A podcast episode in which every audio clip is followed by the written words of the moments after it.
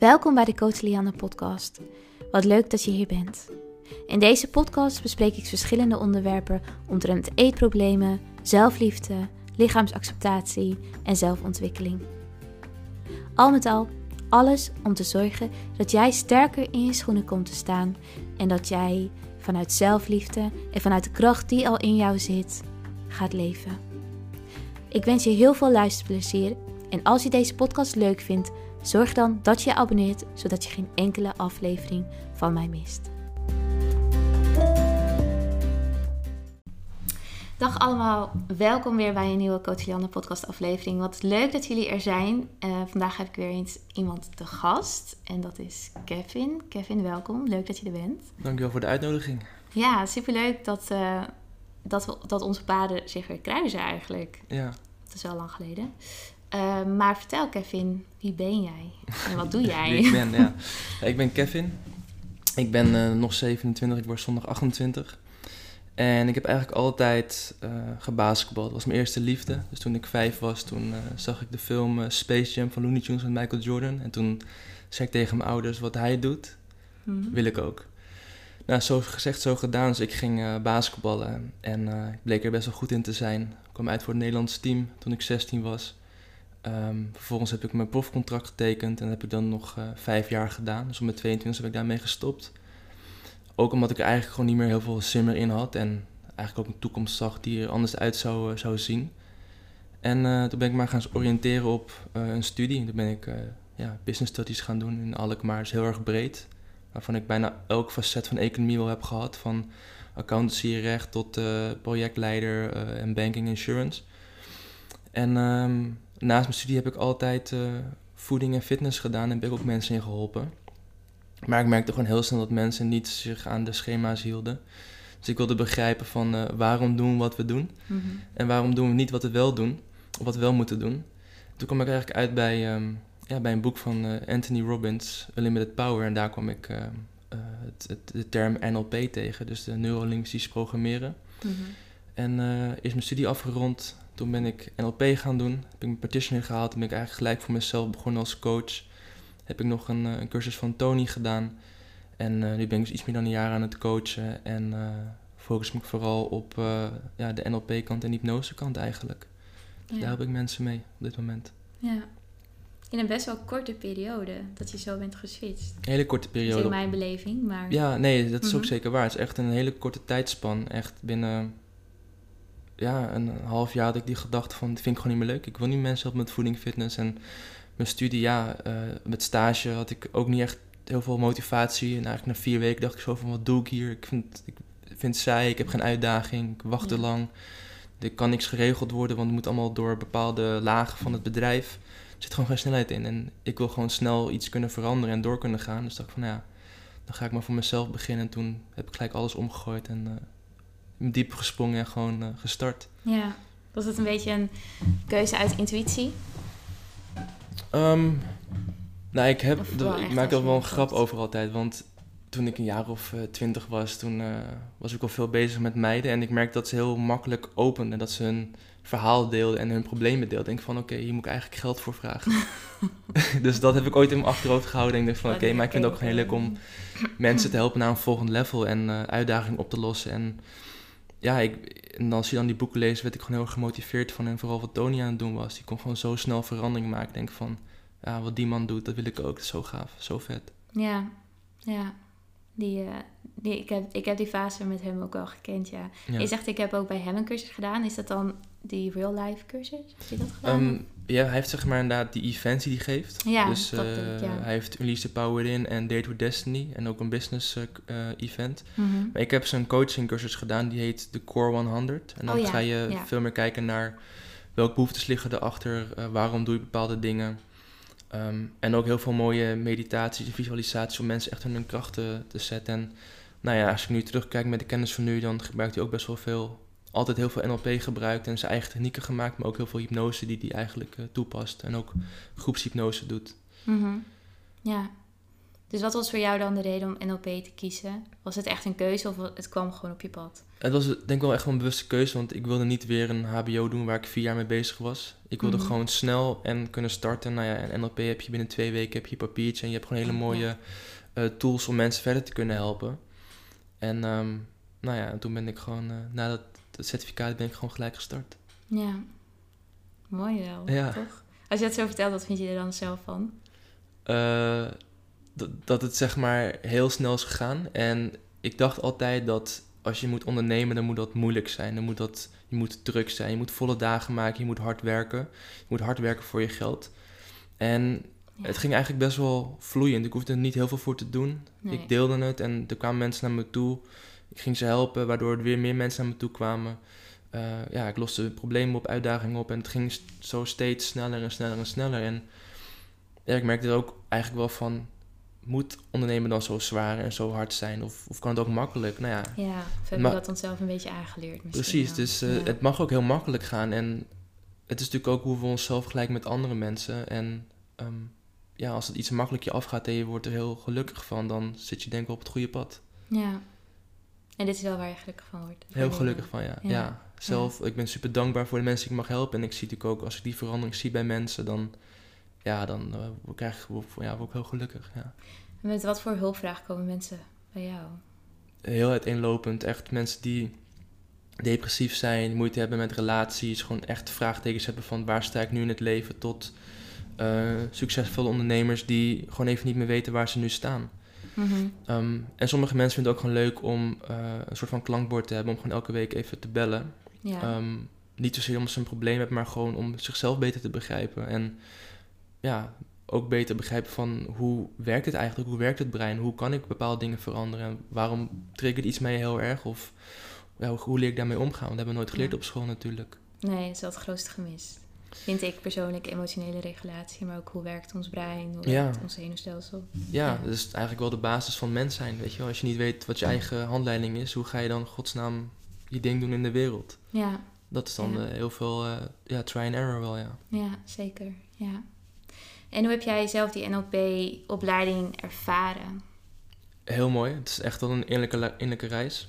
Mhm. Ehm, ik kwam daar aan toen ik eh, niet heel lekker in mijn vel zat. Ik was toen net een beetje het einde van mijn relatie. Dus ik had heel veel vraagtekens en ik kwam daar binnen van...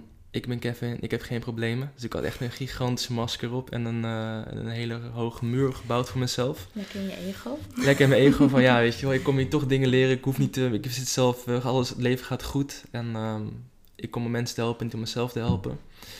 En toen merkte ik eigenlijk na een dag van, eh, ja, wie hou je voor de gek, weet je wel. Ga Mhm. gewoon, doe, haal die masker weg, s- sloop je muur en ehm, gooi er zelf eh, volledig in. Mhm. En ik heb daar echt weer heel veel verbinding en liefde met mezelf gevonden. Ehm komt ook wel mede door eh, Rodney, door zijn meditatie die hij gaf. En dat we zo'n inner child dag hadden. Ja, dat gaf mij gewoon zoveel ja, warmte, liefde en vertrouwen in mezelf. Dat ik wist van oké, ehm, ik zit nu in een onzekere tijd en ik wil nu gewoon voor mezelf kiezen. Dus ik wil gewoon weer zekerheid voor mezelf. En dat maakte hem ook wel de doorslaggevende eh, stap voor mezelf om, om de relatie te stoppen. Maar Ja, dus uiteindelijk is dat wel samengegaan, maar ik wist toen voor mezelf, het is voor mij ook goed zo. het is oké. Ja, het is oké. Ja, Ja, en dan kon je het daarin dus ook weer meer loslaten. dus Ja. eigenlijk heel makkelijk kon ik toen voor mezelf loslaten. Ik vond het wel enorm pijnlijk. Mhm. Het was echt pijnlijk. Ehm, en het heeft ook wel een tijdje heel erg pijn gedaan, maar uiteindelijk wist ik wel van lo- elkaar loslaten is ook lief hebben. En Ja. uiteindelijk eh, willen we beide eh, het beste voor elkaar en het mooiste. Dus dat was toen de, beste keus. Ja, ja, mooi. Ja. En, en ben jij zelf toen ook, ehm, want in mijn beleving, als ik een opleiding doe, dan ga je zelf ook best wel door bepaalde patronen heen werken en door bepaalde gevoelens heen werken. Ehm, is dat wat je alleen in die opleiding hebt gedaan, of heb je zelf ook nog coaching gehad? Of... Ehm, ik heb vooral die opleiding inderdaad gehad. Echt, het was echt wel een eerlijke reis en daar ben ik super blij mee. Mhm. En verder heb ik gewoon hele goede vrienden om me heen die ook iets doen met coaching. Ehm, dus als ik een vraag heb, kan ik ook bij hun terecht. En dan zeg ik ook van, ik heb nu jouw versie nodig als coach en niet jouw versie als vriend.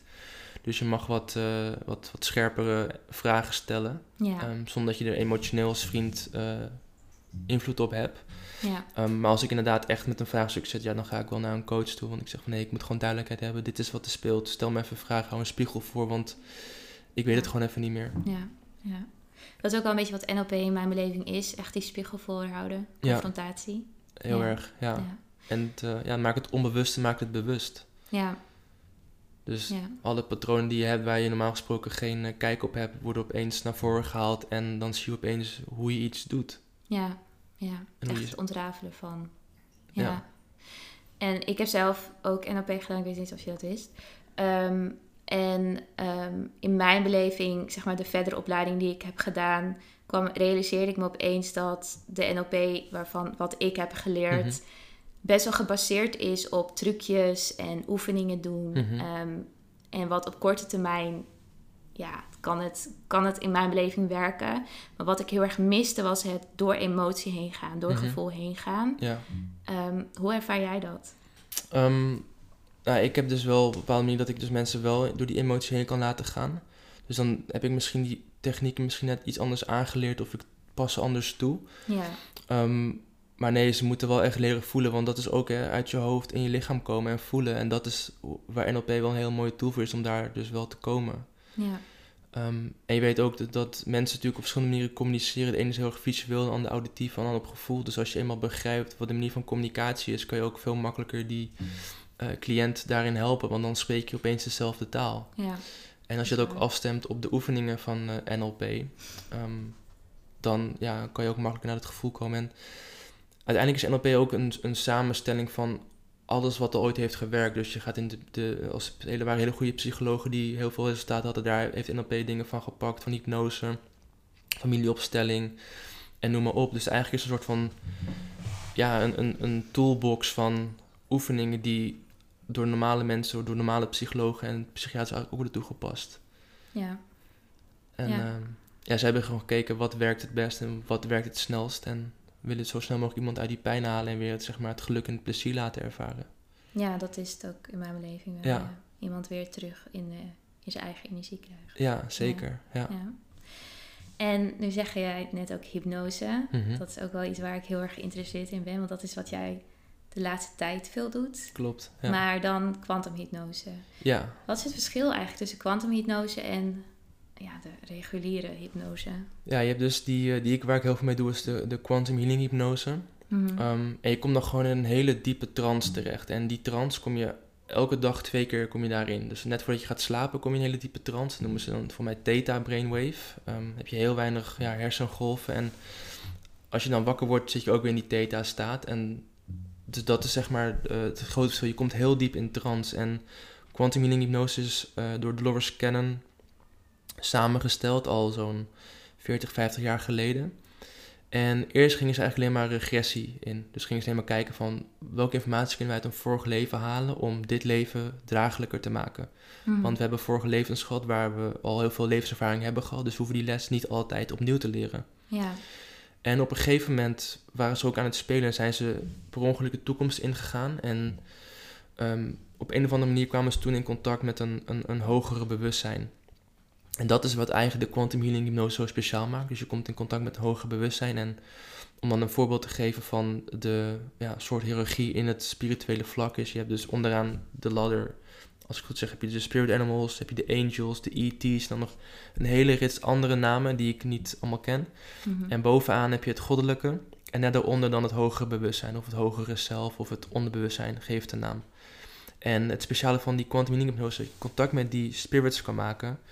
Want zij weten alles over jouw vorige levens en jouw huidige levens. Dus waarom heb je een eetstoornis? Waarom heb je een depressie? Waarom ben je suicidaal? Waarom heb je last van je linkerknie? Waarom ehm, ehm, heb je ruzie met je ex? Ze hebben overal hebben ze een antwoord op. En je gaat nooit dat antwoord logisch ehm, erachter kunnen komen, want het is zo complex. Ehm, dus ja, je komt op een, een bepaalde manier op veel meer informatie.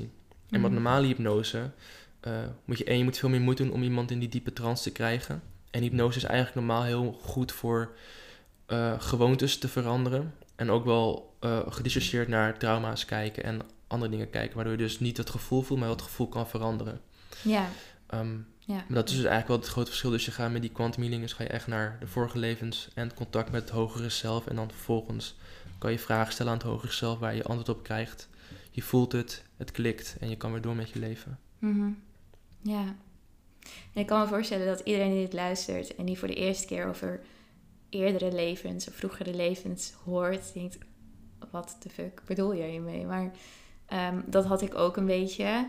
Ehm, hoe was dat voor jou de eerste keer toen je hoorde over vroegere levens en spirit animals? En... Ja, nou ja, je, ik heb wel een, iets mensen gehoord over reïncarnatie en er zijn meerdere levens die je leeft. En ik kon nooit, zeg maar, bevatten wat dat, dat betekende. Wat, weet je wel, want oké, ik ben een ziel en ik heb nu dit lichaam in deze tijd. Maar wat ben ik daarvoor geweest? En dat weet ik niet. Mhm. Ehm, nou, uiteindelijk zeggen ze ook in die, in die quantum hypnose zeggen ze van je kiest ook je leven uit. Dus je kiest je problemen, je kiest je uitdagingen, je kiest je lessen. Mhm. Um, en het moment dat je geboren wordt, vergeet je alles weer.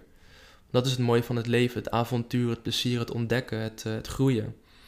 Um, en doordat je dan niet weet wat je moet leren en je komt steeds tegen bepaalde pijntjes aan, klachten aan, uitdagingen aan.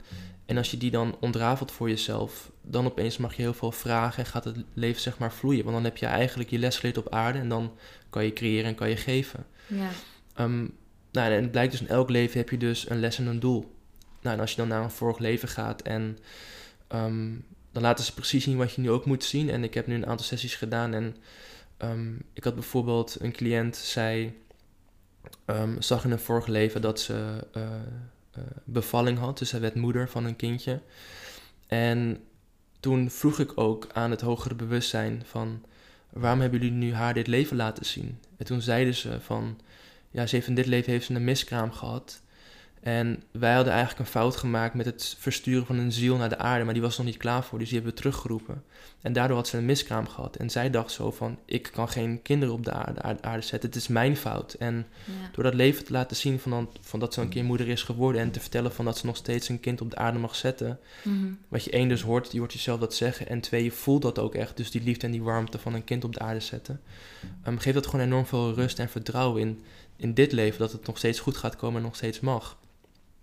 En een, dan misschien een wat heftig voorbeeld is dan iemand die dan uh, eigenlijk het hele leven depressief en suicidaal is. Die eigenlijk denkt van ja, het hoeft niet meer van mij. Mhm. Ja, zij zag een leven dat ze in een vorig leven werd vermoord. En toen zei het hoger bewustzijn van ja, we hebben dit leven laten zien omdat ze daar nog niet klaar was met leven. En toen voelde ze inderdaad ook nog niet dat ze klaar was. En als je dat gevoel dan kan voelen en weet dat je nog meer mag doen en dat het nog meer voor je uh, klaar staat, ja, dat geeft gewoon enorm veel hoop en vertrouwen ook weer. Dus Ja. In het vorige leven zit gewoon heel veel informatie um, die ook relevant is voor het huidige leven. Ja, ja. En is het dan zo dat, ik weet niet of je daar het antwoord op weet hoor, maar is het zo dat in het vorige leven maak je dingen mee en die zijn dan ook nog opgeslagen in jou of in het nu? Of, Ja, het, of- kan, ja, het kan dus best zijn als je geboren wordt dat je nog iets meeneemt van een vorig leven. ja, precies. Um, dus het kan best zijn dat iemand, uh, wat ik heb gehad, dat iemand uh, heel veel moeite heeft met uh, zichzelf verwoorden. Dus dat zit heel veel druk op zijn keel. Mhm. En het bleek dat hij in een vorig leven is hij dus vermoord doordat zijn keel was doorgesneden. En toen vroeg ik ook van, hè, waarom heeft hij zoveel last van zijn keel als hij voor een, een, eh, een groep moet staan? Mhm. Zij dus van, ja, eigenlijk wordt het in een vorig leven, want zijn keel is doorgesneden. Ik zeg, nou, kunnen wij dat dan dat terugplaatsen in het vorig leven? Want dat hoort niet hier. Ja, gaan we het doen. Nou ja, en als hij dan uit hypnose komt, dan voelt hij gelijk al een verschil in zijn keel. Dat er gewoon meer ruimte zit om te kunnen communiceren en te ademen. En zichzelf te laten horen. En zichzelf te laten horen, ja, zeker. Ja. Wauw. Dus, uh, Kijk, ik ben de hele tijd blown away door Ja. alles. ja, Het ja. is wel echt, eh, echt bizar. En heb je het zelf ook ondergaan? Ja, ik heb het zelf ondergaan, ja. Een, uh, een kennis van mij had mij toen uh, gevraagd of ik het graag wilde, wilde ervaren. Want ik was in die tijd in, ook wel een beetje bezig met hypnose en was heel nieuwsgierig naar. Dat was september vorig jaar.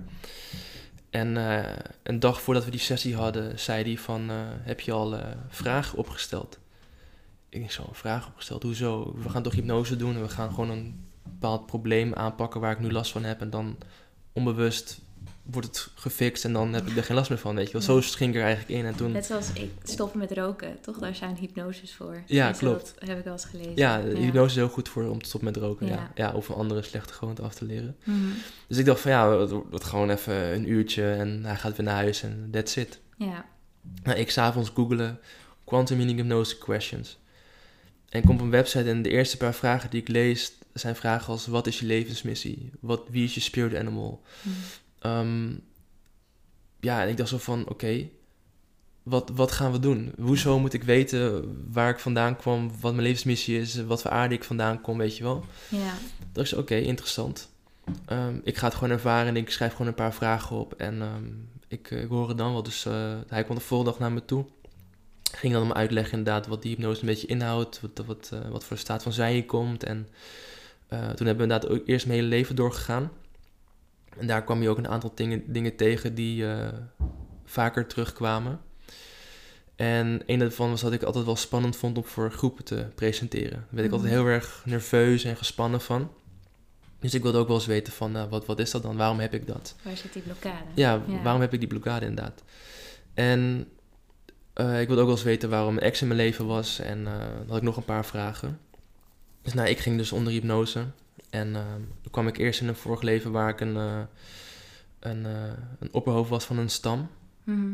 En ehm, nou, ik moet misschien nog even terug, want voordat ik dus zeg maar daar was, ging ik echt eerst door een soort van een, ja, een tunnel van naar het universum of zo. Alsof ik een of andere space zat of, of, of een of ander iets. Ik zag alleen maar kleuren en, en ik wist niet waar ik was. En ik hoorde van, wat zie je? En ik zei van, ja, ik zie kleuren, ik zie allemaal vlakken. En nou, ik heb geen idee waar ik ben hoor. Ik, ik denk dat ik eh, aan het opstijgen ben of iets dergelijks. Ik had echt geen idee Alsof waar je ik... drugs had genomen. Ja, echt of ik drugs was of ayahuasca. Ja, weet, je, weet je, dat idee. Ja.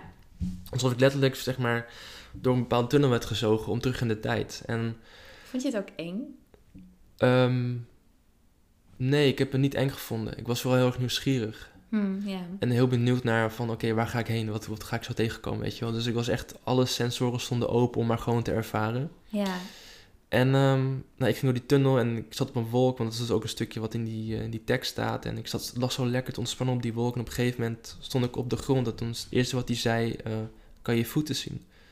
Dus ik kijk dus in dat leven kijk naar mijn voeten en ik zie een hele harige, grote voeten. Ik denk van, wat is dit? Dit zijn niet mijn eigen voeten, weet je wel. Nou, en op een gegeven moment bleek daar dus zo'n opperhoofd van de stam te zijn.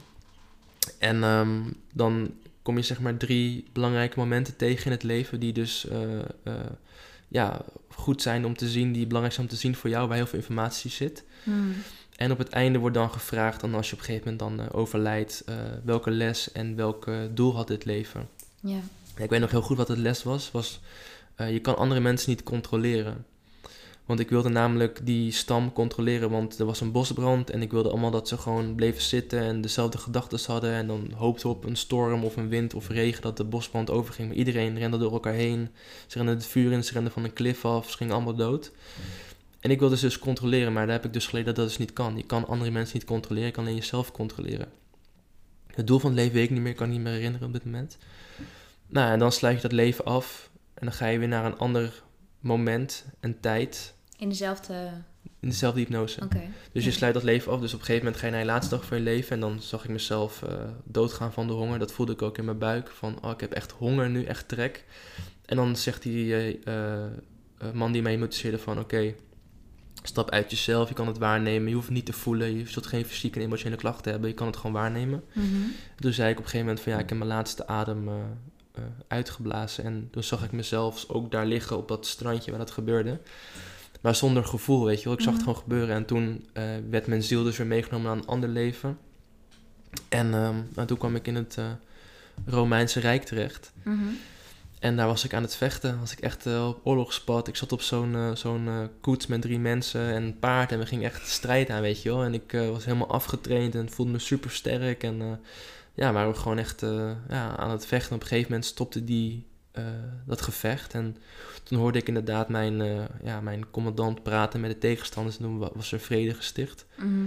En toen sprongen we weer in de tijd door naar een belangrijk moment. Toen was ik dus een generaal en toen liep ik echt over door, door de straten van dat rijk met mijn borst naar voren, met een gigantisch ego en kijk mij, weet je, ik heb het gemaakt en Ja.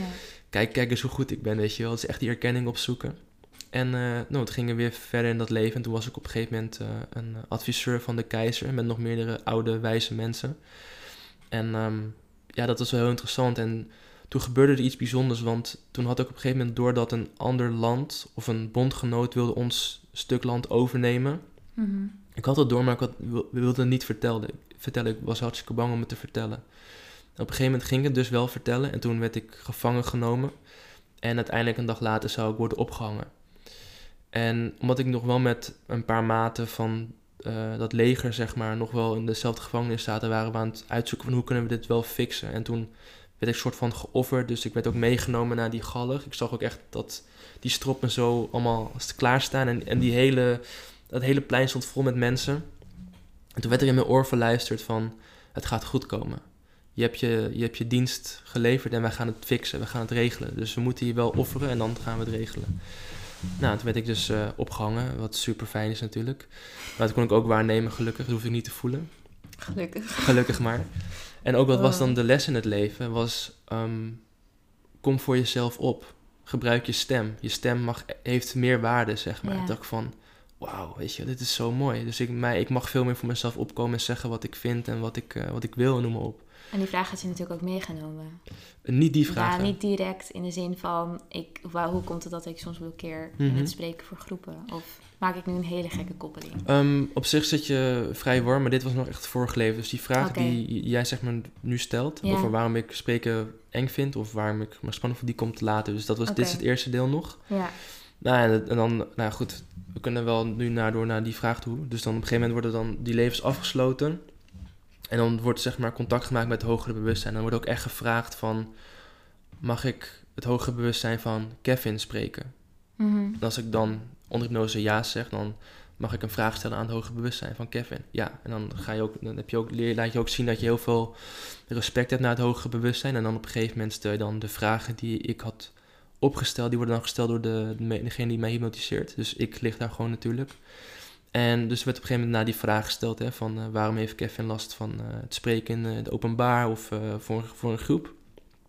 En toen zeiden zij, ja, Kevin heeft daar moeite mee omdat hij al klaar is voordat hij begint. Dus hij is al in de toekomst met ehm, bezig wat andere mensen hebben geleerd van zijn, Mhm. zijn, zijn talk, zeg maar. Dus hij is letterlijk in de toekomst. En doordat we spanning zetten op zijn lichaam, weet hij van, oké, ik moet even terugkomen. Mhm. Dus we zetten zijn lichaam letterlijk stil, laten het lichaam trillen. En dan weet hij van, oké, ik moet terugkomen. Dus het was een enorm mooi inzicht. ja. Begrijp je Ja. wat ik bedoel of niet? Ja, ja. Eh, dus ik moest terugkomen naar het nu en niet eh, al klaar zijn met mijn Ja. verhaaltje en wat iemand anders zou moeten leren. ja. En een aantal weken later, na die hypnosesessie, had ik inderdaad een, in ieder geval ik al twee keer een, een sprekersklus. dus ik mocht voor een groep staan. En ik had geen moeite meer om mijn verhaal te delen. Wauw. Of ik had wel een klein beetje spanning, maar dat was meer excitement van oké, we gaan er iets moois van maken. Ja, Maar normaal heb ik de eerste vijf minuten heb ik echt nog wel een soort van. Normaal had ik dan een, een trillende stem of een droge mond. ja. Of ik begon te zweten of iets dergelijks. En Mhm. nu had ik niks. Geen fysieke reactie. Geen fysieke reactie. Ik stond heel ontspannen, stond ik daar. En ik deed gewoon mijn verhaal. En ja, het was zo'n overwinning dat ik dacht van... Wauw, door, door dat antwoord in die hypnose had ik er gewoon geen last meer van. Het was gewoon opgelost. Nam je dat dan ook bewust mee? Of was het eigenlijk... Dacht je er niet eens over na, over die hypnose, toen je die, toen je die sprekersklus had? Nee, ik dacht er niet over na, nee. Het was gewoon normaal. Het was gewoon mijn nieuwe realiteit. Hmm. En dat was zo Ja. bijzonder, want dan, je weet van tevoren dat je gespannen bent. Weet je wel, dat was mijn eerste Ja. gedachte ook. En ik kwam eraan en ik zei iedereen gedag, of een praatje. Ik had een koffietje, water en toen mocht ik beginnen en ik was super relaxed. Bizar, hè? Ja. Wauw. Ja.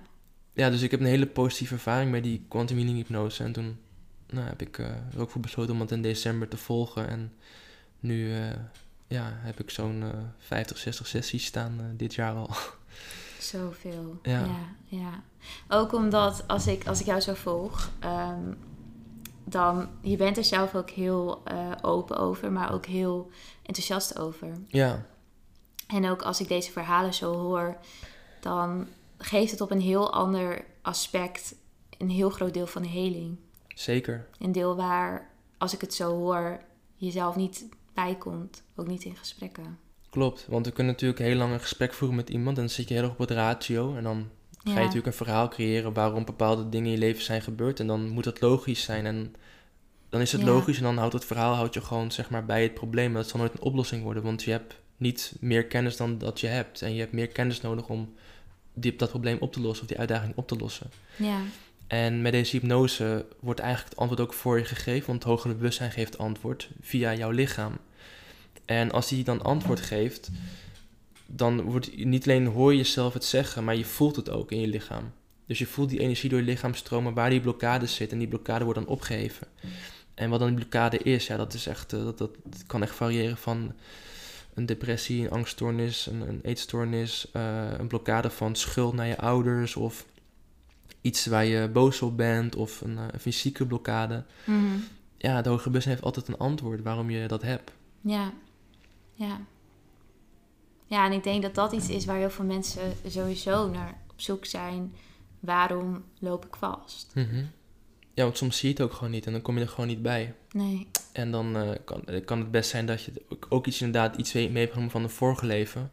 Ja. Ja, succes met dat uitzoeken, weet je Ja, wel. Ja, dus, dat is helemaal Ja. lastig. En ehm, Ja.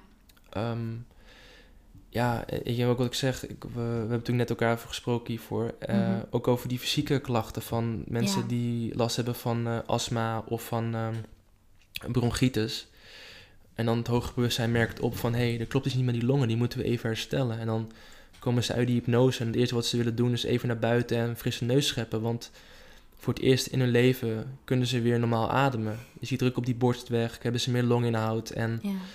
Ehm, ja, dat is gewoon heel bijzonder. En eerst dacht ik zo van, ja, dat is lullen, dat kan niet. En zegt ze, ja, weet je, ik heb een puffertje. Ik moet elke week moet ik dat doen, want anders dan eh, heb ik gewoon niet genoeg zuurstof. En Ja. nu, ja, al vier weken lang, ik check regelmatig even in, eh, hoe is het, weet je wel. Ja. En ja, nog steeds niks. Het is gewoon hersteld. Bizar. Ja, Ja. En daar ligt natuurlijk ook het een beetje waar ik nu over nadenk, is dat we zijn zo gewend om het symptoom te bestrijden. En dit gaat echt zo naar de diepere kern van de oorzaak. Ja. Eigenlijk van een fysiek Klopt. probleem. ja. ehm, en een mentaal probleem eigenlijk Ja. ook. Ja, want als Ja. ik dan het voorbeeld geef van tinnitus. Mhm. Ehm, ik vroeg aan dat meisje waarom, waarom heeft zij last van tinnitus. En het eerste wat ze zei is omdat ze luistert te veel naar de omgeving. Mhm. Dus we willen letterlijk haar gehoor blokkeren met een zuizend of een piepend geluid dat ze niet kan horen wat de omgeving tegen haar zegt. Ze moet naar de zelf luisteren. Ze moet meer het contact met zichzelf ja, zoeken. Ze moet naar binnen keren. Ze naar binnen keren. Ja, Nou ja, dat was natuurlijk, een, ik, toen ze dat zei, dacht zo van, wow, niks so much sense, weet je wel. Maar daar Ja. ga je natuurlijk niet normaal over nadenken, want we denken natuurlijk van, oh, die heeft eh, te hard muziek geluisterd, of die stond naast een box die eh, knapte, en daardoor heb je die oorsuis. ja, Nou ja, ze heeft gewoon de hele leven lang altijd geluisterd naar anderen, en daardoor heeft zij die oorsuis, die fysieke Ja. klacht gekregen. En toen vroeg ik ook aan het hoge bewustzijn van, kunnen we dit herstellen? Zeiden ze, ja, gaan we doen. Nou ja, dus toen hebben ze dat hersteld voor haar. Ik haal haar uit hypnose.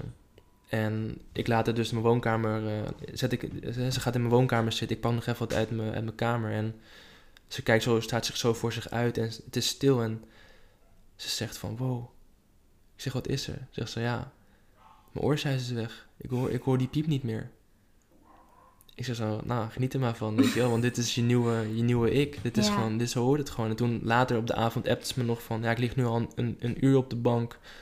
Met tv uit, geen muziek aan. Ik ben gewoon van de stilte aan het genieten. ja. Dus zo lang geleden waar dat ze echt in stilte kon zitten. Zo bijzonder. Ja, nu, nu heeft ze dat weer. Ja. Ja. Wauw, het is echt... ik, ik kan... Zeg maar, je vertelde dit net, maar nu je het weer vertelt, krijg ik gewoon helemaal kippenvel. Mhm. Eigenlijk, dat die fysieke klacht gewoon letterlijk is opgelost. Ja, Zo zie je het dan eigenlijk wel. Klopt, ja. Opgelost. het is opgelost, ja. Het is eh, Ja. weggenomen of, of ja... De Ja, wat ik altijd wel als, als zeg maar, ik heb toen trauma-informed therapy gevolgd. En daarin zeiden we ook altijd dat 99% van de fysieke klachten worden gecreëerd uit mentale Ja, klachten. Ehm, geloof je daar, geloof je ook dat kwantumhypnose dat voor iedereen kan doen? Ehm, ik denk dat het voor iedereen heel goed kan helpen. Ik weet niet of... Dat ligt zeg maar aan als, die, als de les is geleerd, dan kan het pas hersteld worden. Ja. Dus als iemand de les nog moet leren, dan nemen ze de pijn nog niet weg. Mhm. Ehm, wat ik wel kan doen, is de pijn verlichten of de pijn verplaatsen. ja. Ehm, maar als de les geleerd moet worden, dan willen ze het liefst zo laten. Want ja, als je niet wilt, eh, wilt luisteren, moet je voelen. En wat bedoel je eigenlijk met de les leren? Voor mensen die dat niet begrijpen. Ehm, nou, dus voordat je het leven kiest, zeg maar als je overlijdt, dan kom je voor een bepaald congres te staan van spirits en dan neem je je leven door en dan kies je al de uitdagingen voor een volgend leven. En dus je kiest je problemen voordat je geboren bent, je kiest je ouders, je kiest je vrienden, je kiest je, je uitdagingen. En als je geboren wordt, dan vergeet je wat je hebt afgesproken met het hogere bewustzijn. Dus je vergeet eigenlijk wat op het contract stond. Want dat is het leuke van het leven: het avontuur, het ontdekken, het groeien. Ja. Ehm, en als je niet luistert, dan moet je voelen. En um, ze kunnen dus letterlijk iets tegen je zeggen. Ehm, bijvoorbeeld als jij in relaties pleased, dan had ik toevallig laatst iemand die kreeg eerst een twijfelend gevoel. Dus dat was de eerste, zeg maar, red flag van... hey, je gaat te ver, je gaat weer te veel pleasen. Mhm. Als ze daar doorheen ging, toen hoorde ze le- letterlijk in haar gedachten... nu moet je stoppen. En toen ging ze nog steeds door. Mhm. En toen ging ze dus haar vriendje pleasen. Dus ze hebben, in iedereen heeft ze, hebben ze bepaalde mechanismes ge- geprogrammeerd. Wat eigenlijk signalen zijn die we kunnen opvangen, opvangen. Om die fout niet meer te maken. Eh, want zij willen ook dat jij hier gewoon een heel leuk leven hebt. Want je bent dus zo'n korte tijd hier. Ja. En ze willen dat je plezier maakt en groeit. En dat je dus weer door kan gaan. En mensen mee, meehelpt op jouw reis. En niet dat je met pijn en verdriet thuis zit. Want het is, daar is het gewoon het leven te mooi voor en ook te kort voor. Ehm, dus op die manier kan je dus die lessen leren. Of inderdaad, wat ook vaak voorkomt, is dan dat. ehm nou, geef dit bijvoorbeeld een vrouw die trekt steeds de verkeerde man aan. En dan geeft ze eigenlijk de schuld dat ze steeds de verkeerde man aantrekt. Want die mannen zijn allemaal sukkels en slecht. Ja. Maar eigenlijk moet je in de spiegel kijken, want jij bent de enigste, eh, eh, die, de constante. Jij bent steeds het probleem, tijdens het probleem, zeg maar. En als je dan de les voor jezelf, of in ieder geval het probleem oplost en de les leert, dan opeens komt die partner. Ja. Dan is het opeens, de relatie en liefde is dan wel hartstikke leuk en toegankelijk. Ja. Het is echt het stukje confrontatie. Ja. Spiegelen, naar binnen keren. Ja, En wat je naar buiten geeft, dat krijg je terug natuurlijk. ja, Ja. Ja. Dat Ja. klopt ook wel. En hoe zie je dat dan met mensen die intense traumatische ervaringen hebben Mhm. gehad? Veel luisteraars, denk ik, die, ja. die daar wel in zitten. Of een eetstoornis, wat ook heel traumatisch is. Mhm. Hoe zie jij dat dan als les? Ehm, ja, dat is echt heel verschillend. Ik kan niet nu een antwoord geven op, of in ieder geval, dus nu dan met je eetstoornis heb je deze les te leren. Het is heel verschillend, want ik heb dus nu een aantal eh, mensen gehad met een eetstoornis en de antwoorden variëren. Dus de een zei van, ehm, hij moest in contact komen met zichzelf. Mhm. Hij moest weten en leren voelen wie hij zelf is. En, doordat dat hij, door, door, en dan toevallig hebben ze dit keer dan het vervoersmiddel eetstoornis gebruikt. Had ook een andere vervoersmiddel kunnen worden. Maar dit voor hem was dan een eetstoornis om te voelen en naar binnen te keren. Iemand anders die moest gewoon echt pijn voelen. Echt gewoon eh, verdriet en angst. En, en echt die pijn voelen. En eh, ja, eh, zelfs tot het uithongeren aan toe. Het is echt super vervelend. Maar als je dan eenmaal vraagt van waarom had hij dat? Ja, hij is, hij, is in, hij is een ster geweest. En die heeft alleen maar licht en liefde gevoeld voor miljoenen jaren lang. En dan kom je opeens naar de wereld en dan zijn er opeens negatieve gevoelens. Ja, die moet je eerst even doormaken. Mhm. Om ook te begrijpen wat het positieve is. Ja. Dus op zich, als ik dit dan zo vertel, denk ik van ja, ik kan makkelijk praten. Want het is natuurlijk super vervelend als je in die situatie zit. Maar er is dus echt een reden waarom je daarin zit, in, dat, in die uitdaging, met die uitdaging. ja, en met die uitdaging moet Ja. gaan, ja, letterlijk gaan overwinnen. En hoe je hem overwint, ja. dus voor iedereen is daar een ander antwoord op. Zeker, ja. Ehm, het kan zelfs zo zijn dat uit een vorig leven had iemand weinig tot geen eten gekregen. En die had daardoor eh, een eetstoornis hier. En die ging dus heel veel binge eten. Want ja, in een vorig leven had ze geen eten. En dit leven Ja. kan ze heel veel eten. Dus die denkt van ja, misschien is er morgen niks. Dus Mm. laten we gewoon nu alles pakken wat ik pakken kan. En dan word je de volgende dag wakker en denk je van ja, ik heb eigenlijk nog steeds genoeg eten. Maar ik heb wel weer die aanval gehad. Ja, Nou, en als je dan dat gevoel van een vorig leven kan teruggeven aan dat vorige leven, is die overtuiging hier ook weg en hoef je niet meer te binge want je weet gewoon, het is goed hier, ik hoef het niet meer te doen. Mhm. Dit is geen survival mode meer. Ik kan gewoon loslaten ik mag leven. en ik mag leven. Ja. ja, en ik ben veilig. En, Veilig inderdaad. Ja. en er is altijd genoeg. En er is Ja. voldoende, zeker. Ja, ja, ja. Ik kan me wel voorstellen dat mensen die dit luisteren en die dan horen, ja, je- is een reden en je wordt uitgedaagd. En dat ze denken, ja, hallo, maar dit wil ik helemaal niet. En waarom ik? Mhm. Hoe ga je daarmee om als mensen dat zeggen? Ja, dan kom je achter tijdens die hypnose.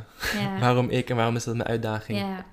Ehm, Ja. ja, weet je, het is natuurlijk eigenlijk heel gemeen, maar je hebt hem zelf gekozen. ja, Ehm, dat is wel heel confronterend. het is heel confronterend. En, maar omdat je hem zelf hebt gekozen, neem je ook eigenaarschap. Want als ik het zelf kies, ben ik verantwoordelijk voor mijn leven, mijn problemen en mijn kansen. En Ja, als je verantwoordelijkheid neemt voor je leven, kan je ook creëren. Dus als je dan zegt, oké, ik heb ervoor gekozen om dit te doen. En het is misschien niet de liefste manier om met mezelf te co- communiceren of lief te hebben met mezelf.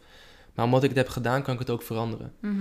En als je het constant dan aan de schuld aan iemand anders geeft en het soort van uit jouw handen geeft, dan heb jij er geen controle over. En dan denk je controle te hebben door het eten te kunnen controleren. Maar ja, wat kunnen we controleren in het leven? We weten niet eens wat over vijf minuten gebeurt. dat is waar.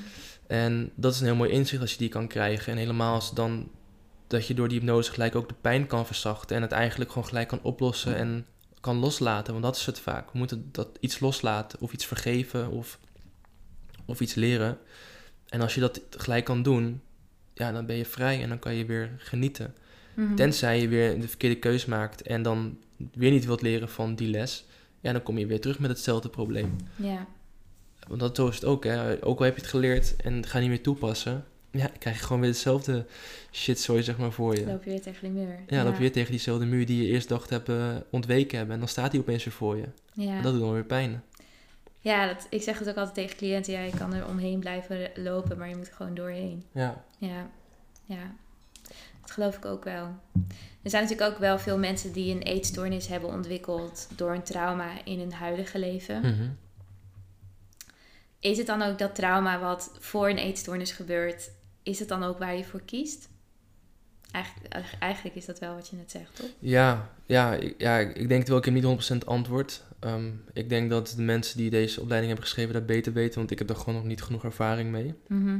En te weinig sessies daarvoor gedaan en te weinig mensen gezien met eh, dit soort uitdagingen. Ehm, maar ja, we kiezen eigenlijk onze problemen wel en dan denken van hè, hoeveel eigen wil heb ik dan? Hoeveel kan ik zelf bepalen in het leven? Hè, dus als het eigenlijk al tussen haakjes vaststaat wat ik ga doen, hoeveel, heb, hoeveel invloed heb ik dan? Nou ja, je hebt heel veel invloed, want je kan ervoor kiezen om het inderdaad vast te houden en het probleem vast te houden. Of je kan ervoor kiezen om ja. dat los te laten en vrij te gaan leven. Ehm, dan nog steeds, als je vrij leeft, kan je natuurlijk kiezen om een, een geasfalteerd pad te lopen, bewandelen. Of een pad met heel hoog gras wat je nog moet maaien. Of je loopt door drijfzand. Dus we hebben altijd een keuze hoe we ons leven willen vormgeven. Mhm. En ja, kies voor jezelf de makkelijkste weg.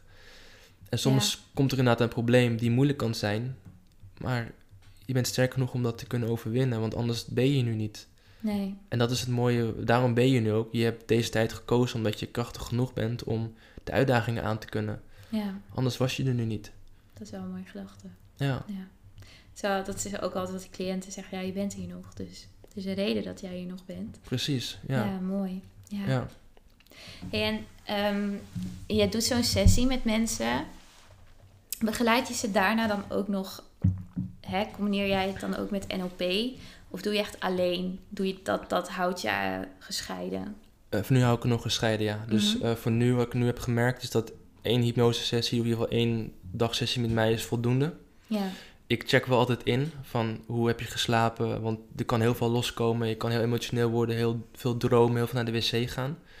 Ehm, en de sessie wordt altijd opgenomen, want ja, soms ben je er wel heel bewust, soms ben je er niet bewust bij. Want de antwoorden die je geeft zijn gewoon zo waardevol.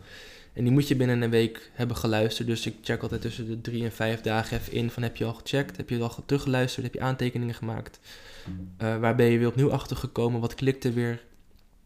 En dan, eh, ja, ja, laat ik ze weer los, dan kunnen ze weer, eh, weer hun leven leiden zoals ze dat willen. ja, ja. Ja. En is dit een langdurige verandering? Eh, voor wat ik heb gezien op de opleiding wel. Dus da- daar doen ze het al 40, 30, 40 jaar. En daar hebben ze gewoon ehm, ja, echt levenslange veranderingen gezien. Hmm. Tenzij je inderdaad weer voor kiest om het pad af te gaan. Ja, het is wel eigenlijk altijd je eigen verantwoordelijkheid Ja. natuurlijk. Je kan zoveel weten, je kan zoveel kennis hebben. En... Maar het is wel je eigen verantwoordelijkheid wat je daarmee doet. Als je niet toepast, ja, dan eh, wel waar. komt, kom je niet ver, nee. Dan Ja. kan je nog zoveel weten inderdaad en begrijpen waarom je dingen doet. Maar als je niet verandert en toepast, ja, dan ja, is het gewoon lastig. Ja. Dan maak je het zelf heel lastig. Het is wel iets wat mensen heel goed kunnen.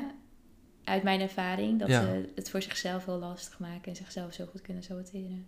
Ja, want zoals je weet zit daar natuurlijk behoeftes onder. Dus als je door een probleem jezelf daardoor belangrijk voelt en doordat jij belangrijk bent, verbinding hebt, en dat weet je zeker, ja, heb je drie van de zes behoeftes bevredigd. Dus waarom zou ik veranderen? Ja, Weet je, je kan ze negatief. Wat zei je? Het gaat zo ook. Ja, gewoon. ik heb behoeftes nu ook, dus waarom zou ik ze veranderen? Want je kan ze negatief, neutraal of positief bevredigen. En ja, je kiest de weg en de makkelijkste weg is negatief doen. Ja, En ja, dan opeens heb je aandacht. ja. Dat is allemaal wat we willen. Allemaal goedkeuring en aandacht, acceptatie van buitenaf. Ja, ja, want dat creëert natuurlijk ook veiligheid. veiligheid inderdaad. Ja. En verbinding en een zekerheid. En op een gegeven moment heb je weer genoeg aandacht gehad. En dan weer een andere emotie voelen. Dus dan krijg je variatie. En dan ja, krijg je vaak zelfmedelijden of iets dergelijks. En als je dat weer genoeg hebt gevoeld, dan ga je weer terug in je andere problemen. En dan zeg je, kijk, ik heb weer een groot probleem. Ik ben belangrijk, ik wil verbinding. ja. En zo blijf je constant in die cirkeltjes. worden, zie mij. Ja, kijk mij. En dan als je genoeg hebt gezien, ga je weer alleen in de kamer. En dan ga je weer huilen. En dan, ja, De visueuze cirkel. klopt. Ja, en hoe stap je daaruit? Ja, door, door, door te doen. Door iets anders te doen wat je normaal doet. En dat is in het begin heel moeilijk. Maar ja, je moet het gewoon doen. Want je kan niet wachten op motivatie of discipline of energie of iets dergelijks. Je moet er letterlijk door, door uitbreken. Je moet letterlijk die, die kettingen afknippen, doorbreken, uit de gevangenis gaan. Whatever, welke, eh, welk, hoe, je het ook wil noemen, je blokkade. Ja, Je moet doorheen. Je moet, je moet, je moet weg. Je moet, ja, je moet in beweging komen. ja. En dat is in het begin enorm onveilig, onzeker. Mhm. Maar ja, de, dat ook, en ook onbekende pijn. Want de bekende pijn is veilig, maar de onbekende pijn is natuurlijk onveilig. Ja. En, eh, maar goed, als je daar doorheen gaat, dan krijg je wel weer de positieve ervaring van het leven. En ja, dan kan je weer geluk creëren voor jezelf. en vrijheid ervaren. Ja, Ja, precies. ja. Het is vaak wel zo dat het in eerste instantie, als je aan de slag gaat met jezelf, dat je slechter gaat voelen voordat je je beter gaat voelen. En als je daar doorheen kunt gaan, geef je jezelf eigenlijk zoveel. Ja, dat is een mooiste cadeau wat je jezelf Ja. kan geven. Want je wilt niet een slecht en een vervelend leven leiden. Je wilt een leven leiden waar je je blij kan voelen, waar je geluk kan voelen, waar je dankbaar kan zijn. En ja, als je in de shit zit, dan is dat gewoon heel moeilijk om dankbaar te zijn en, en gelukkig te zijn. Want dan worden je verwachtingen ook niet gematcht. Heb je als cliënten gehad die bang zijn om gelukkig te zijn? Ja, tuurlijk. Ja. Die hebben, vinden gewoon niet dat ze dat waard zijn. Die hebben gewoon zo'n eh, zo'n eh, upper limit. En als ze dan eh, eenmaal wel een goede dag hebben, dan is de volgende dag gelijk saboteren, want ik ben het niet waard. Mhm. Ik ben dat geluk en die blijdschap niet waard. Ja, dan moeten we natuurlijk dat, ehm, dat interne dialoog, maar ook zeg maar de, eh, wat jij jezelf waard vindt, moeten we eventjes, dat gemiddelde moet even omhoog krikken. ja, Dat je wel bij een 7 of een 8 zit en niet op een 4 of een 3.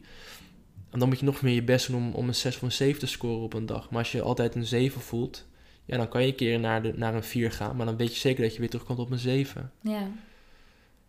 Ja, En dat is ook gewoon aan werken. mhm. ja, Op zoek gaan naar Ja, die momentjes. zeker. Ja, ja. En het in kunnen zien en dat ook voelen. Ja, ja ik, ik merk echt de afgelopen tijd dat veel cliënten zichzelf aan het saboteren om gelukkig te zijn. Omdat ze het inderdaad het zichzelf niet waard vinden, maar het ook eng vinden. Want als ik gelukkig ben, wat dan? Kan Ja. ik dan nog iets veranderen? Of kan ik dan nog... Wat heb ik dan? Ja, precies. Dus wat is het dan, weet je wel? Ja, Nou ja, dan eh, heb je ook weer genoeg opties om eh, mooie zeker. dingen te halen. Ja, ja. ja. maar dat is iets wat, wat mensen heel eng vinden. Mhm. om daar, ehm, om in dat gevoel te zitten, in die ik weet het niet wat ik dan heb en ik weet nu wel wat ik nu wel heb. Klopt. Het is Ja. inderdaad wat we net zeiden, hè, de, de bekende pijn is veilig en fijn. Maar ja, Ja. fijn tussen haakjes.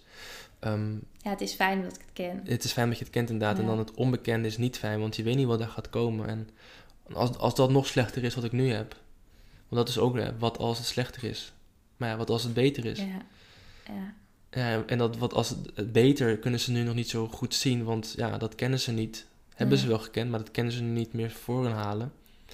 Ja, en, en dan moeten ze uitbreken. ja, ja.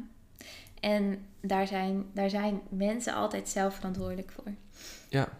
Ja, Jij kan ze geen advies geven, ik kan ze geen advies geven, want dan geef jij en ik advies van onze perceptie, onze waarheid, hoe, zij, hoe wij dat probleem gaan oplossen. En iedereen heeft zijn eigen perceptie en waarheid. En daardoor Ja. kan ik niet vertellen van je moet het zo doen. nee, nee. Dat gaat niet.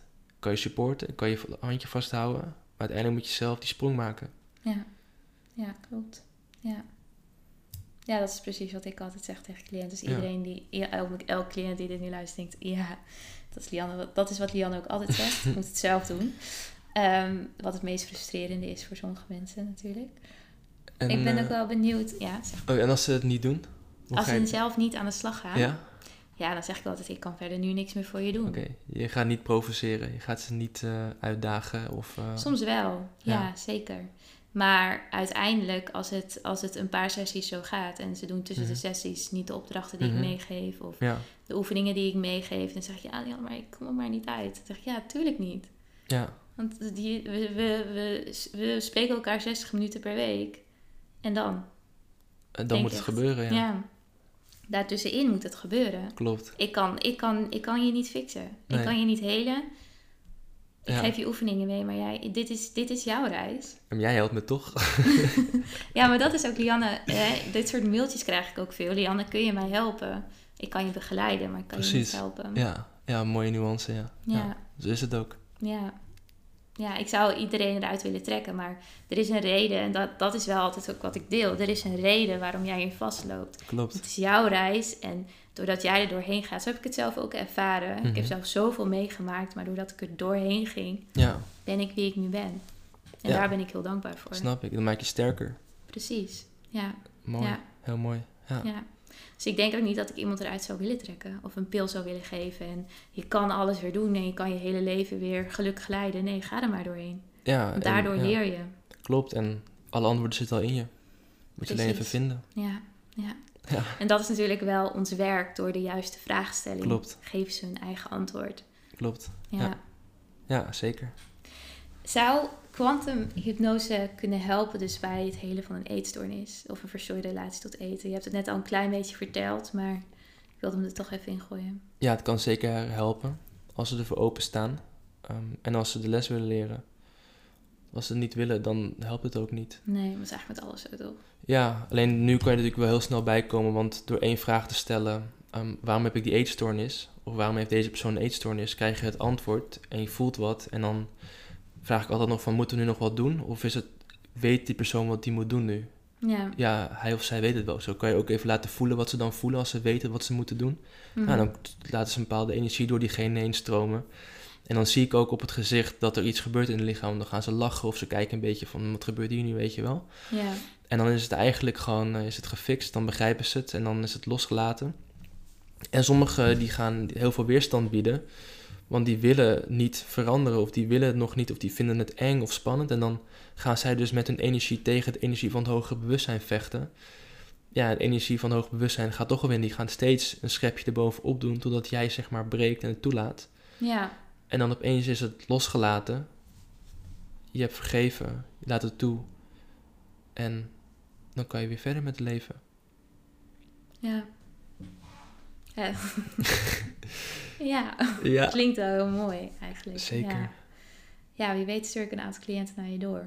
Ik ben heel benieuwd hoe ze het, eh, hoe ze Ja, het en ook ervaren. wat het dan in sessies ook later doet. Mhm. Want ik denk wel dat het altijd belangrijk is dat je daarna gewoon wel weer sessies doet en erover praat en het leert integreren in je leven.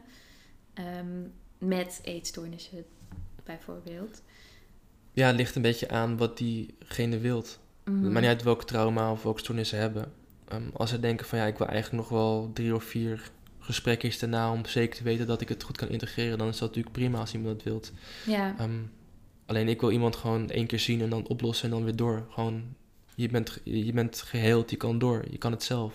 ja. Dat, dat vertrouwen heb je ook. geven Ja, dat voelen ze ook tijdens de sessie, ja. Ja. Ja.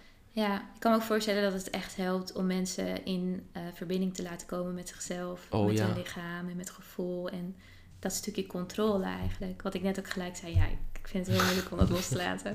Maar Ja. het is wel een hele mooie les eigenlijk voor jezelf ook. Ja, weet je, omdat we kunnen dus natuurlijk energie niet zien en we kunnen alleen energie voelen. Mhm. En als ze dan al die emoties door je lichaam heen laten stromen en dankbaarheid, vrijheid, dat, dat, dat fijne gevoel. En van tevoren vraag ik ook van, is er nog een gevoel wat je graag wilt ervaren? En dan vaak komt dat gevoel ook al tijdens de, eh, het, het oplossen van een bepaald probleem al na- heel erg hoog naar voren. Dus hoef ik niet nog een keer te zeggen van, kunnen jou nog even liefde voelen of zelfliefde Ja. laten voelen? Ik vraag alleen, waar voelen ze het? Nou, één zegt in het hart, ander zegt in het hoofd, in de tenen, in de armen. Dus het is in elk lichaam is het anders. En eh, als je dus weet waar je het kan voelen, kan je het ook opzoeken. En dan weet je ook als je iets doet van... hé, hey, dit gevoel herken ik van die hypnose. Ik doe nu iets goed, weet je wel. Ja, En dat, dat, is wel een hele mooie ook, ja, dat je dat meekrijgt. Ja, ik had ook... eh, misschien ook wel interessant te delen. Ik had ook een... eh misschien net binnen trouwens. Eh, ik wilde ook weten waarom ik soms zo erg kan twijfelen. Hmm, Van, wat is dan de juiste keus? Ja, En toen zeiden ze van, ehm, nou ja, Kevin die wil toch graag groeien en nieuwe dingen ontdekken. Dus daarom laten we hem twijfelen, want dan opeens loopt hij, bewandelt hij een pad die hij nog niet kent. En dat is zeg maar die twijfel en dan zit hij goed. Maar zijn ego zegt, weeg het even af, ga even alle plussen en minnen naar elkaar doen en maak dan een beslissing. ja, Maar twijfel is dus voor mij persoonlijk, dus nu, dat weet ik dus is 100% zeker van, doen. Twijfel is waar ik dus nog niet ben geweest, daar moet ik heen. En daar ga ik Mm. voor groeien. En daar word ik ook voor beloond. ja. Mooi. Ja, Wauw. Dat is wel, het is wel echt... Het opent zoveel deuren, als ik Zeker. het zo hoor. het opent heel veel deuren, ja. Dus Ja. je leert ook beter begrijpen waarom je bepaalde dingen in je lichaam voelt. Ja, En Ja. als je dat dus een betekenis kan geven, dan weet je ook hoe je makkelijk door het leven kan manoeuvreren. Want als je dus niet weet wat je... We weten vaak wel wat we voelen, maar we kunnen het geen plek geven. Dus waarom voel ik dit? Mhm. Het onderbuikgevoel, weet je wel? Of iets om mijn schouders drukken, of ik krijg hoofdpijn. Of we negeren het gewoon. Dat ook. Is wat ik al... Wat ik, nou ja, het is natuurlijk ook een beetje mijn doelgroep, maar... Mhm. Al mijn cliënten die voor het eerst een gesprek met mij voeren, die zeggen: Ik voel het niet, ik kan het niet voelen. En dan hebben we het over wat ze bijvoorbeeld wel voelen, dus inderdaad hoofdpijn Mhm. of druk op een borst of onrust. Ja, En wat doe je dan? Ja, dan ga ik gewoon afleiding zoeken. precies. Dat is een, een teken van het hoger bewustzijn van... luister even, ga niet goed. Je moet de andere kant op. Ja, Dus als je die gevoelens kan erkennen en herkennen en kan toepassen, ja, dan is het gewoon zo makkelijk leven. Want je voelt iets, je weet wat het betekent en je kan door. Je kan Ja. een keus maken. Je kan natuurlijk voor kiezen om naar te luisteren of niet. Dus Ja. je hebt altijd een keus. ja, Ehm, het is natuurlijk makkelijk als je wel elke keer gewoon luistert wat ze zeggen. Want daar zijn ze ook voor om je te begeleiden. ja. Ehm, maar het is gewoon, eh, ja, het is, het is bijna magisch, weet je wel. Het is echt heel bijzonder. ja, als ik dat zo hoor ook, denk ik, het is een soort van alsof ik in een, eh, in een soort van film zit of zo. ja. Door een poort van licht. Ja, af en toe moet ik mezelf ook nog even wakker knijpen. Want ehm, ja, elke sessie is weer eh, totaal anders. Maar weer echt weer hele bijzondere antwoorden elke keer weer. En ook inderdaad dan het fysieke wat hersteld wordt. Ja, ja. Ja, en ik kan me ook wel voorstellen dat... Ja, dit klinkt heel intens, maar zo bedoel ik het niet. Maar ik wil het even... Ik kan het even niet anders verwoorden, maar dat het bijna verslavend is om mensen dit te geven. Ja, ik moet wel ook af en toe op de rem drukken om Ja. mezelf rust te geven. Want Ja. ik wil, ben één, heel nieuwsgierig naar welke levens ze gaan. Ja, En twee, wat voor antwoorden ze allemaal geven. En ook wat ik er zelf van kan leren. Want ik kan ook, eh, ik heb ook wel eens een vraag. En ik ga niet elke keer onder hypnose om die vraag te stellen. Maar ik ga dan, als zij dan met het hoger bewustzijn contact hebben, vraag ik altijd aan het hoger bewustzijn van, mag ik zelf ook een vraag stellen? En dan zeggen zij ja of nee. En als ze dan ja zeggen, dan stel ik ook een vraag. En dan stelde ik de laatste vraag van, waarom heb ik last van hooikoorts? Mhm. Toen zeiden ze, het komt omdat je niet genoeg in contact bent met de natuur. Ik zeg zo van, wat bedoel je daarmee? Ja, je moet meer naar buiten en meer aarde. En ik zeg, eh, wanneer? Toen zeiden ze, ja, als het lente is, dan moet je weer naar buiten. ja. Dus binnenkort mag ik weer eh, vaker naar buiten. En dan eh, ben ik heel nieuwsgierig of ik van En de door, zomer... de- eh, door die hooikoorts Ja, precies. heen. Ja. ja, ja. Dus, dat meer aarde. meer aarde, ja. Mm. Meer in natuur zijn. Ja, vond ik wel grappig. En ik heb ook wel eens gehad dat ik een, ehm, een vraag wilde stellen. En dat was best wel een complete vraag. En we hadden daaronder nog een aantal deelvragen om dan het complete antwoord te geven. Dus toen wilde ik die vraag stellen en toen zeiden zij van... Deze vraag kan je overslaan, daar komt zo meteen een antwoord op. Hmm. Toen ik zo van, oh shit, je kijkt gewoon over mijn schouder mee, weet je wel. En toen ging die andere vragen beantwoorden. Toen kreeg je inderdaad al die antwoorden van die vraag, kreeg je het antwoord van die vraag die, die dus zo compleet was. Anders dan kon ik al die andere vragen niet stellen die wel heel belangrijk waren voor haar.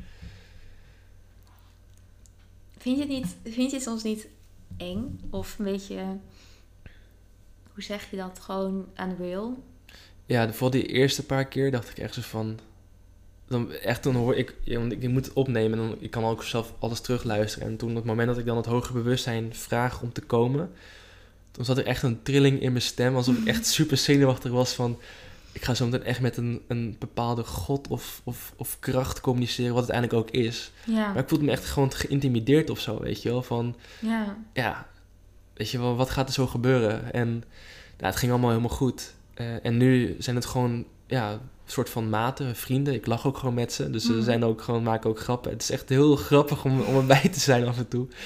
Ja. En dan eh, merk ik ook soms op dat is iemand heel erg eigenwijs. Dus er komt steeds hetzelfde soort van antwoord terug. En dan zeg ik van, oh, het is deze persoon eigenlijk eigenwijs. En dan moeten ze een beetje lachen van, ja, klopt. Weet je wel, ja, ze is ook eigenwijs.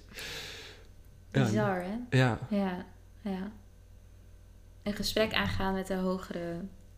hogere Ja. kracht, hogere macht. Ja. Ja. Terwijl ehm, ook wel heel, eh, heel mooi. Ja, ja, ze weten nu dat ik een, een, een portal ben, een channel ben voor ze. Dus ze houden me natuurlijk in de gaten. En als ik dan eh, die hypnose ga doen, dan hoor ik altijd een piep in mijn oor. En ik voel een bepaalde trilling op mijn rug of op mijn hoofd. En dan weet ik gewoon van, ja, ze zijn er al. Mhm. En dan hoef ik alleen nog maar even mijn eh, verhaaltje te doen. En dan is diegene onder hypnose en dan gaan we door de vorige leven. Dus, en dan Ja. het hogere zelf komt er dan Ja. bij. Ik kan me voorstellen dat je daar dan zelf ook wel sterk voor in de schoenen moet staan. Ja, je moet wel echt de leiding houden. Ja, Want als zij zeggen, kan niet, kunnen niet oplossen, dan ja, dat, dat moet gewoon. ja, Ik wil gewoon dat ze het- leven verlichten van diegene die onder hypnose is. ja. Want daarom zijn ze bij me. Dus als ze zeggen, nee, het gaat niet lukken of het kan niet, ja, dan ga ik dan niet mee akkoord. Dus dan ga ik Mhm. ze wel uitdagen en dan ga ik ze ook echt wel even, even aanpakken. ja. Want ze moeten gewoon, ze moeten van mij gewoon diegene herstellen. Of er moet iets voelen of er moet iets, iets zeg Je maar, moet gewoon ergens doorheen gaan. ja, of het probleem moet kleiner gemaakt worden. Ja. Dat is al een hele verlossing. Mhm. Maar als er maar iets gebeurt, Ja. kan niet, dat bestaat niet. Ook niet voor hun. Daar gaan we niet mee akkoord. Nee, Ja, precies. ja. Dus ik kan me ook wel voorstellen, dit is niet voor iedereen, zeg maar, ehm, om te doen, zeg maar, om te geven. Kan ik best wel voorstellen. Ja, dat ja, het als ik dit zo ja. hoor. Ja, nee, dat kan ik wel geloven. Het is niet. eh, het is in het begin heel spannend, maar ik denk wel dat iedereen het kan leren. Mhm. Want uiteindelijk lees je een tekstje op en je moet een bepaalde stem, toon, toon, zeg maar een toonhoogte moet je eh, eh, gebruiken. Maar ja, het blijft altijd wel heel excited als je dan weer Ja, daar ja. met ze in contact komt. ja, dat snap ik wel. Ja. Ja, Ik denk, ik zie dat we alweer een uur aan het licht staan. ja dat is, ik eh, denk ik dat we snap wel het. een uur kunnen praten. Maar we moeten het gewoon hier even bij laten. Ja. Ik denk dat iedereen hier heel veel aan heeft. Maar ook een beetje eh, denkt, oké, ik wil dit ook. Of Mhm. wauw, bizar. Ja. Maar ja, ik zet al je contactgegevens wel even gewoon in deze podcast. Helemaal goed. En dan eh, krijg je er nog 50 bij misschien. nee, ja. Ja, helemaal goed. Ja, ik ben heel benieuwd en ik vond het super mooi gesprek, eh, Lian. ik ook. Dankjewel. Ik wil nog drie vragen stellen. Dat zijn vragen die ik aan iedereen stel die te gast is bij mij. Oké. Eh, de eerste is, wat betekent zelfliefde voor jou? Dat je weet dat je goed genoeg bent en dat je in jezelf kan geloven. Mooi. Kort maar krachtig. Ja, Ja, dat is een mooie, ja. Is het dan weten of is het voelen? beide. Mhm. Als je weet, kan je het ook voelen. Ja. En als je het voelt, dan weet je het ook. Dus als je, eigenlijk ook Staat als je... in contact met Ja, en als je iemand liefde kan geven, kan je het ook jezelf geven. Dus je kan iets niet aan iemand anders geven wat je niet jezelf kan geven. Ja. En als je dan iemand anders kan geven, dan ja, waarom niet aan jezelf? Ja. ja, Want uiteindelijk moet je altijd met jezelf leven. dat klopt. Ja. Ja. Maak het je voor jezelf wel iets makkelijker Mhm. en lichter. Ja. Ehm, wat betekent vrijheid voor jou? Oh, dat is eigenlijk een heel breed begrip. Op zich vind ik dat vrijheid, zeg maar, daarvoor moet je wel jezelf bepaalde dingen opleggen. Dus beperkte, opgelegde beperkingen geef je vrijheid. Mhm. Eh, want als je niet aan je gezondheid werkt, maar alles maar eet wat los en vast zit, dan ben je later niet vrij, want dan ben je ongezond. Als je niet sport en voor je lichaam zorgt, krijg je later pijntjes en heb je ook geen vrijheid meer. Dus opgelegde beperkingen zorgen ervoor dat je later, of in ieder geval vrij bent. En dat vind ik heel mooi. Dat heeft Tibor ooit verteld en dat vind ik, vond ik een hele mooie. Mhm. Ja, mooi. Dus af en toe moet je jezelf ergens, ehm, moet je gewoon iets doen. Ja, Ook geforceerd. Geforceerd, soms vind je het niet leuk om te sporten of gezond te eten, maar dat, dat, die investering die je dan in jezelf doet, die opgelegde beperking, zorgt ervoor dat je later daar profijt van hebt. ja. Aan jezelf werken, een uur lezen, is ook een opgelegde beperking. ja, leren. Leren. soms, ja. Ehm, naar buiten gaan, eh, ja, leg jezelf bepaalde beperkingen op, waardoor je dus kan groeien en daardoor ook vrij kan zijn. Ja, ja. Ja, mooi. En wat betekent het voor jou om naar je intuïtie te luisteren? Ja, dat is het allermooiste wat er is. ja, daar ben ik de laatste tijd echt, daar ben ik de laatste tijd echt achter gekomen. En uh, ja, weet je, het, het, het, intuïtie heeft altijd gelijk. Um, het, weet al ver van tevoren voordat je iets moet doen. En als je het kan herkennen en naar kan luisteren en weet wat het is, ja, dan kan je het zo in je voordeel laten werken. Ja, zeker. Um, dus het is echt, echt een mis. Uh, als je niet dat voelt, dan heb je gewoon niet een bepaalde uh, begeleiding van boven die jou kan leiden door het leven. Dan mis je echt informatie. En ja, voel. Want dat is eigenlijk uh, de taal die we altijd hebben gesproken. Dat is ook de taal die we in de spirit world delen. Want in de spirit world kan je niet praten. Dan kan je alleen voelen. Um, je kan ook niks vasthouden. Dus ja, dat voelen, dat, uh, dat doen we al heel lang. En dat zorgt ervoor dat we uh, ook inderdaad, als er gevaar is, dat kunnen we ook aanvoelen. Ja. Voordat het, voordat het gebeurt. Dus ja, de intuïtie is heel belangrijk. Ja, ja. het beschermt ons. Het beschermt je, het leidt je. Het zorgt Ja. ervoor dat je op de juiste plek bent, op de juiste tijd, met de juiste mensen. En En, ik weet, ook, ik, ik weet ook altijd dat als je niet naar je intuïtie luistert, dat voel je. Mhm. En je wordt ook wel weer teruggetrokken. Ja, met een probleem erbij. dat ook, ja. Dan moet je echt leren voelen. Ja, Als je niet wilt luisteren en niet wilt voelen, dan, dan, dan ga je echt in de pijn zitten. Dus dan moet je leren voelen. ja, En dat is dan het intuïtie wat dan tegen jou zegt, gaan we door deze pijn heen. ja. Zelf gecreëerd, jammer Zelf- dan. Ja, jammer dan. Ja, eigen schuld, dikke beeld. Ja, ja, ja. Als je het niet wil, dan doe het even op de harde weg. Ja, Precies. mooi. Dankjewel Kevin dat je er wilde, wilde Geen dank. dat je er wilde zijn. Dat- dat je... Oké, is goed. De gast wilde zijn Ja. eh, voor, ja, voor je mooie woorden. En eh, ik, eh, ik denk dat iedereen enthousiast is geworden. Supermooi. En dat je het heel druk gaat krijgen dit jaar. Mooi. Daar ben ik ook heel dankbaar voor. Dankjewel voor de uitnodiging. Graag gedaan.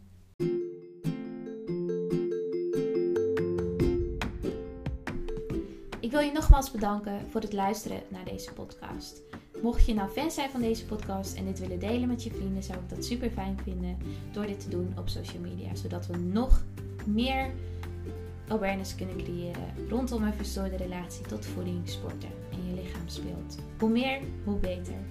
Daarnaast, mocht je interesse hebben in mijn boek, de online cursus of één op één coaching, ga dan even naar www.coachlianne.nl voor meer informatie. En daar kun je ook het contactformulier invullen en dan kom ik zo snel mogelijk bij je terug.